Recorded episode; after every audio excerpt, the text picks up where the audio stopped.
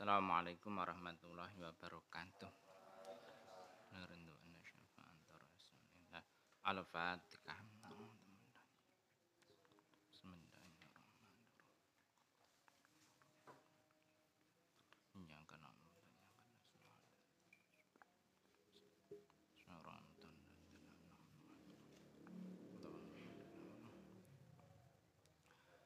Bismillahirrahmanirrahim. Lanjutkan nomor 22 ini. Di pertanyaan pemelihara babi setelah bertaubat apakah wajib mengkondok sholat yang dikerjakan dengan najisnya pakaian. Jadi orang yang memelihara babi ini termasuk berdosa ini. Jadi memelihara babi itu termasuk perbuatan dosa ini. Dan sudah barang tentu orang yang memelihara babi itu banyak terkena najis mughaladah jadi pakaiannya, badannya ini mesti terkena najis. Padahal kalau pakaiannya itu najis tidak sah untuk digunakan sholat. Nah ini kalau kemudian bertaubat dari memelihara babi tersebut, terus kemudian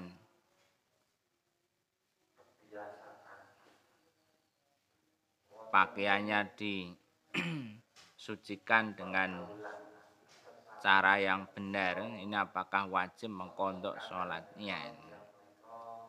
Ini jawabnya wajib mengkondok. Jadi sholat-sholat yang dikerjakan karena dalam keadaan tidak sah. Ini wajib dikondok Inan nisyana setuhune lali. Wal jahli wal jahla lan orang ngerti. Iku musqitun gugurake lil ismi maring dosa. Mutlakon halim mutlak jadi lupa ya, tidak tahu itu bisa menggugurkan dosa secara mutlak. Jadi misalnya tadi malam atau kemarin ya, kemarin tidak sholat asar karena lupa ini karena lupa sehingga tidak sholat asar ini tidak tidak berdosa ya. Ya, tidak berdosa ya. Yang mana seandainya sengaja kemarin itu sengaja tidak sholat asar dosa ini. Tapi kalau tidak sengaja karena lupa ini, itu tidak berdosa ini. Termasuk ketidaktahuan ini juga eh, apa juga menggugurkan dosa. Jadi misalnya sholat, sholat yang mana dalam pakaiannya itu ada najisnya tapi tidak tahu. Ya. Itu ya tidak dosa. Yang mana seandainya tahu kalau pakaiannya itu ada najisnya kok digunakan sholat malah berdosa. Ya. Tapi kalau tidak tahu tidak berdosa. Ya. Ini tentang dosanya. Ya. Wa amal hukmu lan anapun utai hukume iku fa in waqa'a mongko lamun terjadi apa anisyan wal jahlan. Fi tarki makmurin ing dalem ninggalake perkara kang den perintahake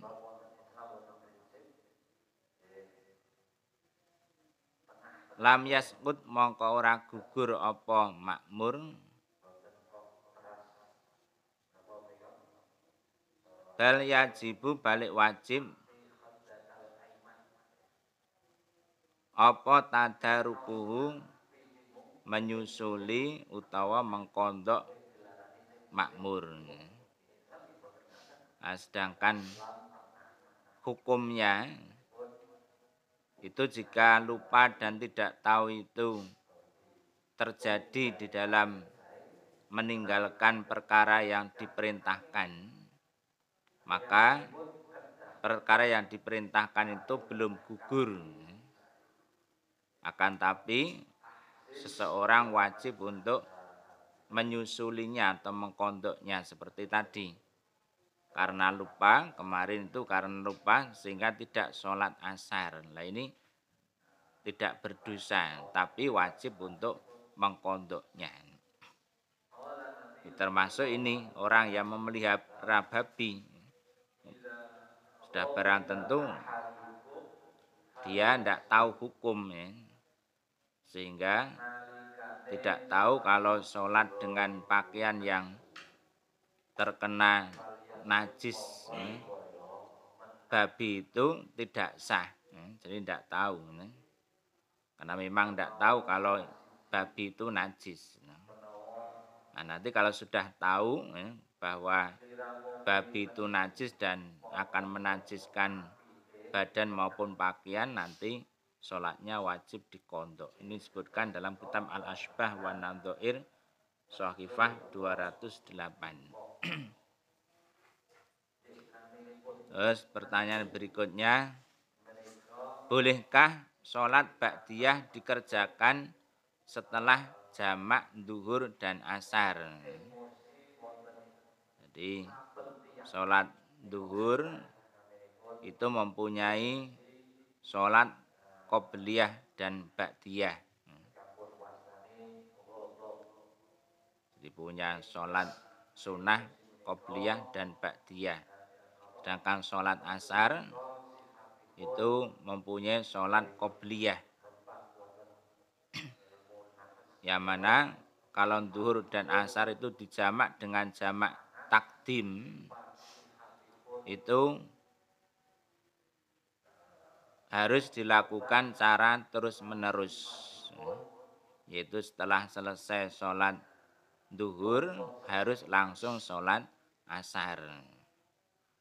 Nah, sehingga Ba'diyah sholat duhur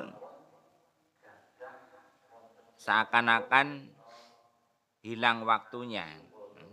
Nah, ini apakah bisa dilakukan setelah melaksanakan dua sholat tersebut?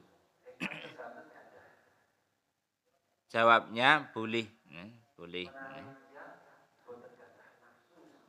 Hendaklah dimaklumi cara urutan sholat rawatib, sholat sunnah rawatib, dan kedua fardu yang dijamak. Urutannya sholat rawatib dan Eh, kedua sholat fardu yang dijamak.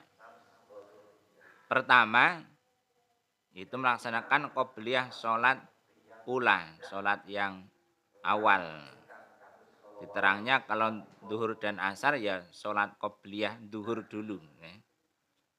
Kalau misalnya maghrib dan isya ya melaksanakan qobliyah maghrib dulu. Ya. Lalu kedua fardu yang dijamak yaitu duhur terus kemudian asar atau maghrib kemudian isya. Nah, kemudian disusul ba'diyah sholat pula, sholat yang awal yaitu qobliyah eh, ba'diyahnya duhur atau ba'diyahnya maghrib.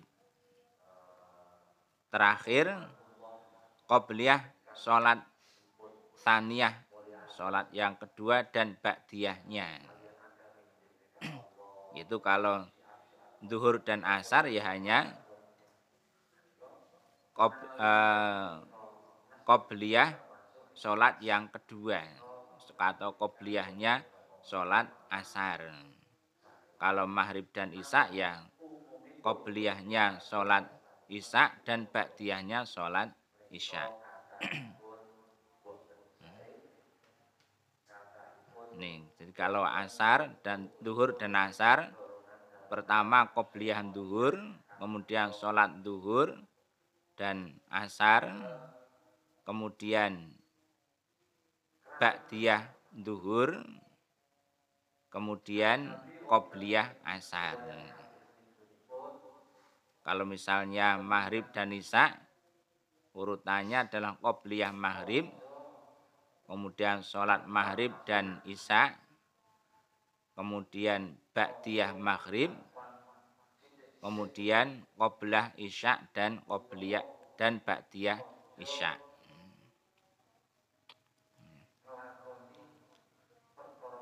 Ini dasarnya idza arada nalika ngersakake sapa wong ayu salliya ing yen ta salat sapa wong. Rawatib salataini ing salat sunah rawatib salat loro salat loro kang den jamak Sholat mongko sholat sapa wong?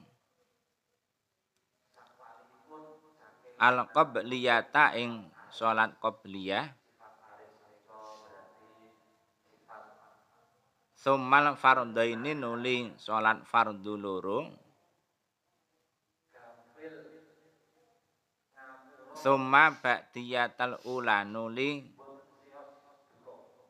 sholat ba'diyah salat kang awal.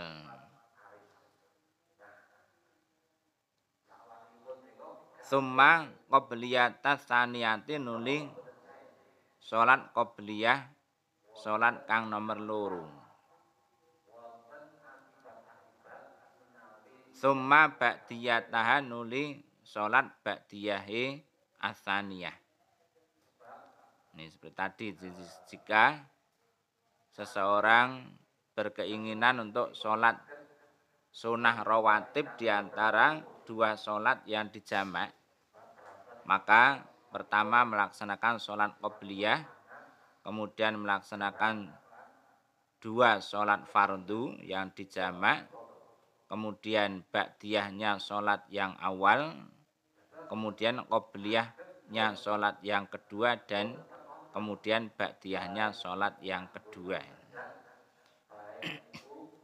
Ini tersebut dalam kitab I'anah juz kedua Sohifah 103. Selanjutnya bagaimana hukumnya gadoh hewan. Di hukumnya gadoh hewan. Gadoh hewan itu memelihara hewan milik orang lain ya itu memelihara apa kambing misalnya milik orang lain ya. yang biasanya cuma satu ya. dan kambing yang betina ya. dengan perjanjian nanti kalau sudah beranak sudah beranak itu nanti kalau anaknya itu sudah besar itu nanti dijual dijual eh, yang nanti hasilnya dibagi berdua antara yang mempunyai hewan dan antara yang memelihara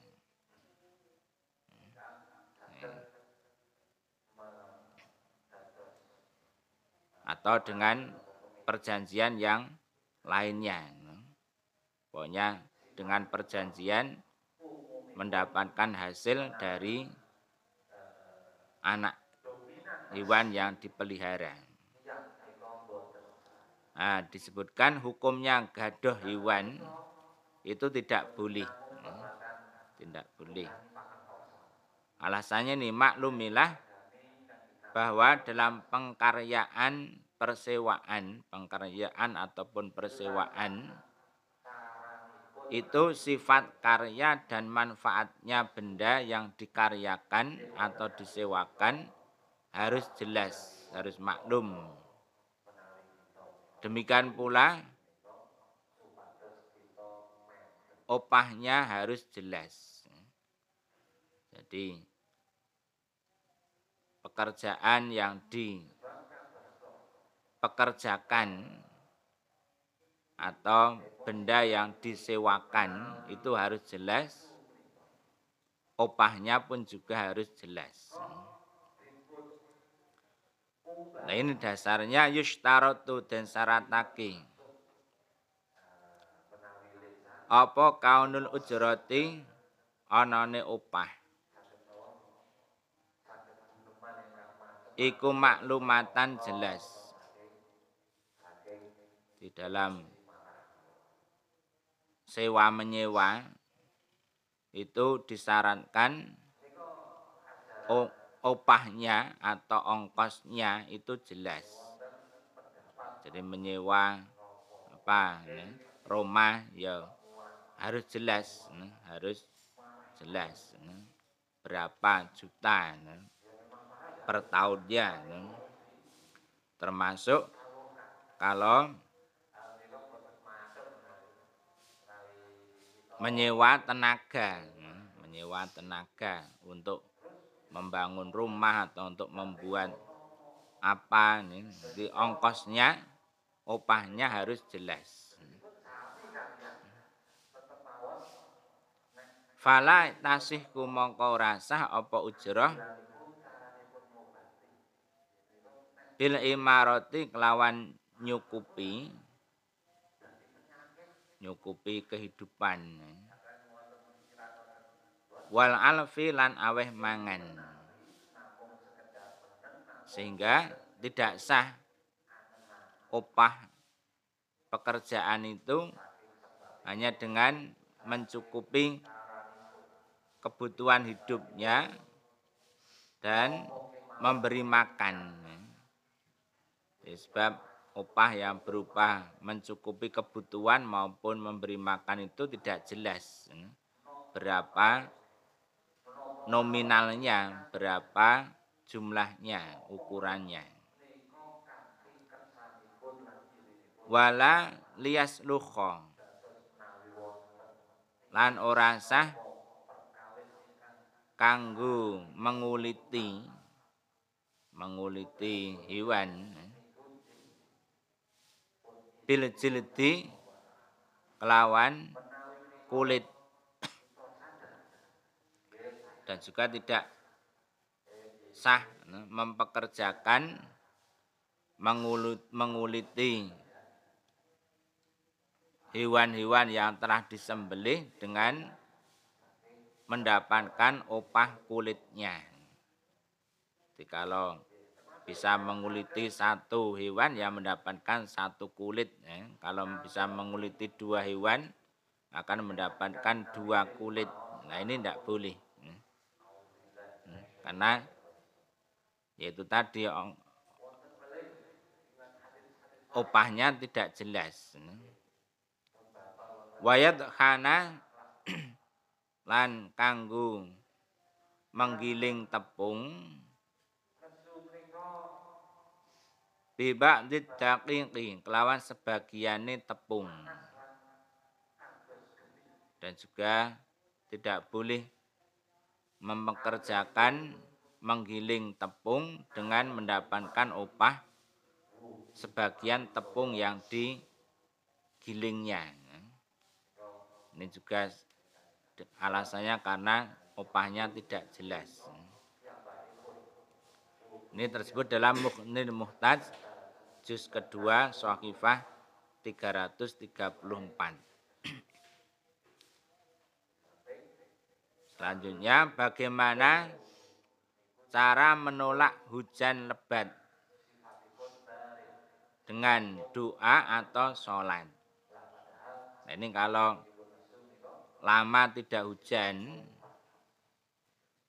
ini untuk meminta hujan di disyariatkan dengan sholat yaitu sholat istisqa. Ini kalau lama tidak hujan, kemudian meminta hujan, memintanya itu dengan sholat istisqa. Tapi ini sebaliknya, kalau terjadi hujan lebat dan ingin hujannya itu reda, ini dengan cara cukup berdoa atau dengan sholat. Jawabnya dengan doa, dengan doa. Dan tidak boleh dengan sholat. Nah ini tidak boleh dengan sholat karena memang sholat itu sudah ada ketentuan-ketentuan yang ditetapkan oleh syariat. Tidak boleh melaksanakan sholat yang tidak diajarkan dalam syariat. Dasarnya walau tadorroru lalamun terganggu sapa wong-wong. Bikas rotil matori kelawan akehe udan atau lebate hujan. Fasunnatu mongko tai sunahe iku ayas alu yen to nyuwun sapa wong-wong. Allah ing Allah taala. Raf'ahu ing den ilang kene mator. Jadi jika orang-orang merasa terganggu dengan banyaknya hujan, lebatnya hujan, maka sunahnya agar memohon kepada Allah Ta'ala dihilangkannya hujan tersebut. Nah di antara doanya ini, Allahumma hawalaina wala alaina. Allahumma doa Allah hawalaina mugi tumurun ing sekeliling kita. Wala alaina lan ora bahayaake ing atase kita. Ya Allah, semoga hujan turun di sekeliling kita dan tidak membahayakan kita semua. Allahumma alal akami wadzirabi. Allahumma doa Allah alal akami. Mugi tumurun ing atase pira-pira anak bukit. Wadhira bilan pira-pira dataran tinggi. Wa butunil audiyati. Lan pira-pira jerone pira-pira jurang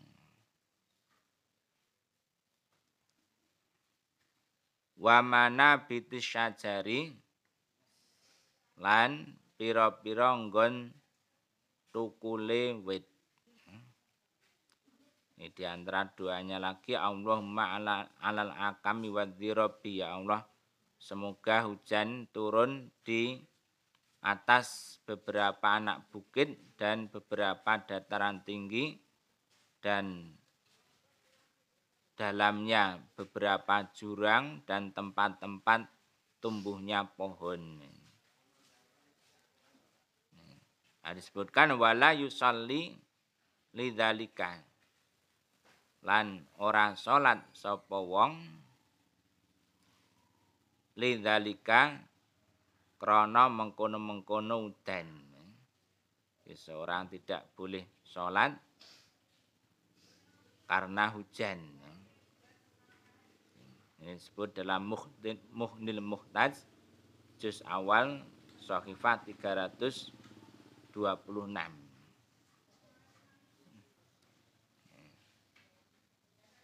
Terusnya bagaimana memandikan mayit yang meninggal dalam keadaan hadas akbar, hadas besar. Jadi mayit khususnya mayit muslim ini wajib dimandikan. Termasuk yang mewajibkan mandi yaitu mati.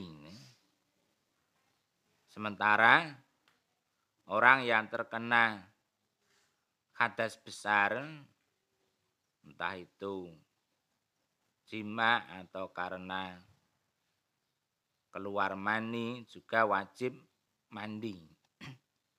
Nah ini ada mayit meninggal dalam keadaan hadas besar. Berarti ia terkena dua perkara yang sama-sama mewajibkan mandi. Nah ini cara memandikannya apakah cukup satu kali atau harus dua kali. Jawabnya cukup dengan satu kali memandikan. Ini tidak harus dua kali tapi cukup satu kali. Ini sumbernya idat tama'a nalika terkumpul. Apa amroni perkara loro ming jinsin saking jenis wahidin kang siji atau kang sama walam yakhtalif lan ora berbeda. Apa maksuduhuma? Tujuan amroni, tujuane amroni. Dakhala mongko manjing apa akaduhuma salah sijine amroni? Fil akhari ing dalem kang liya. Ghaliban ing dalem umume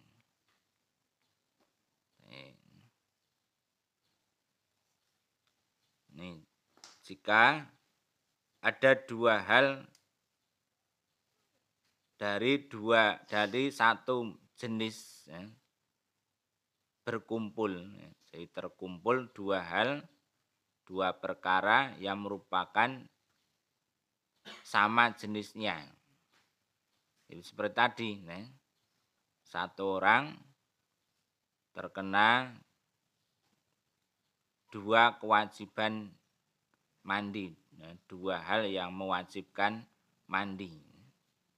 Dan dua hal tersebut maksud dan tujuannya tidak berbeda.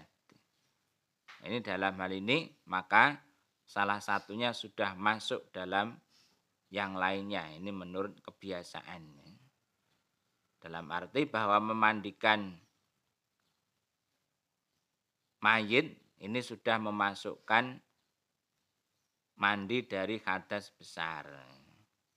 Sudah ikut, ya, sudah ikut apa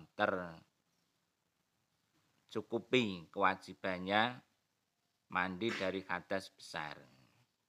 Ini tersebut dalam kitab Al-Ashbah wa Nadhoir Sohifah atau halaman 134. Ya, kita lanjutkan besok. Al-Fatihah.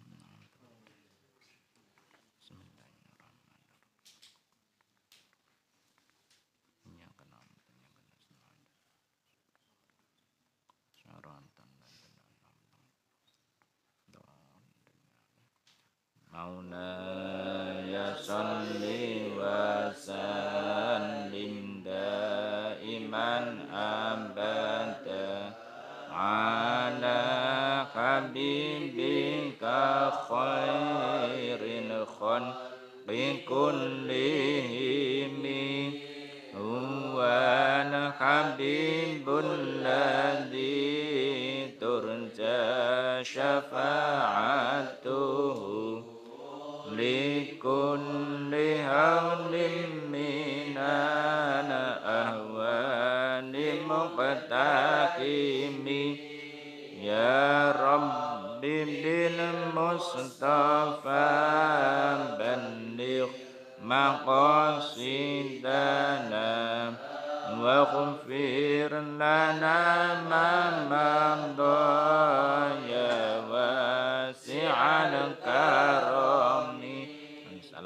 Assalamualaikum warahmatullahi wabarakatuh.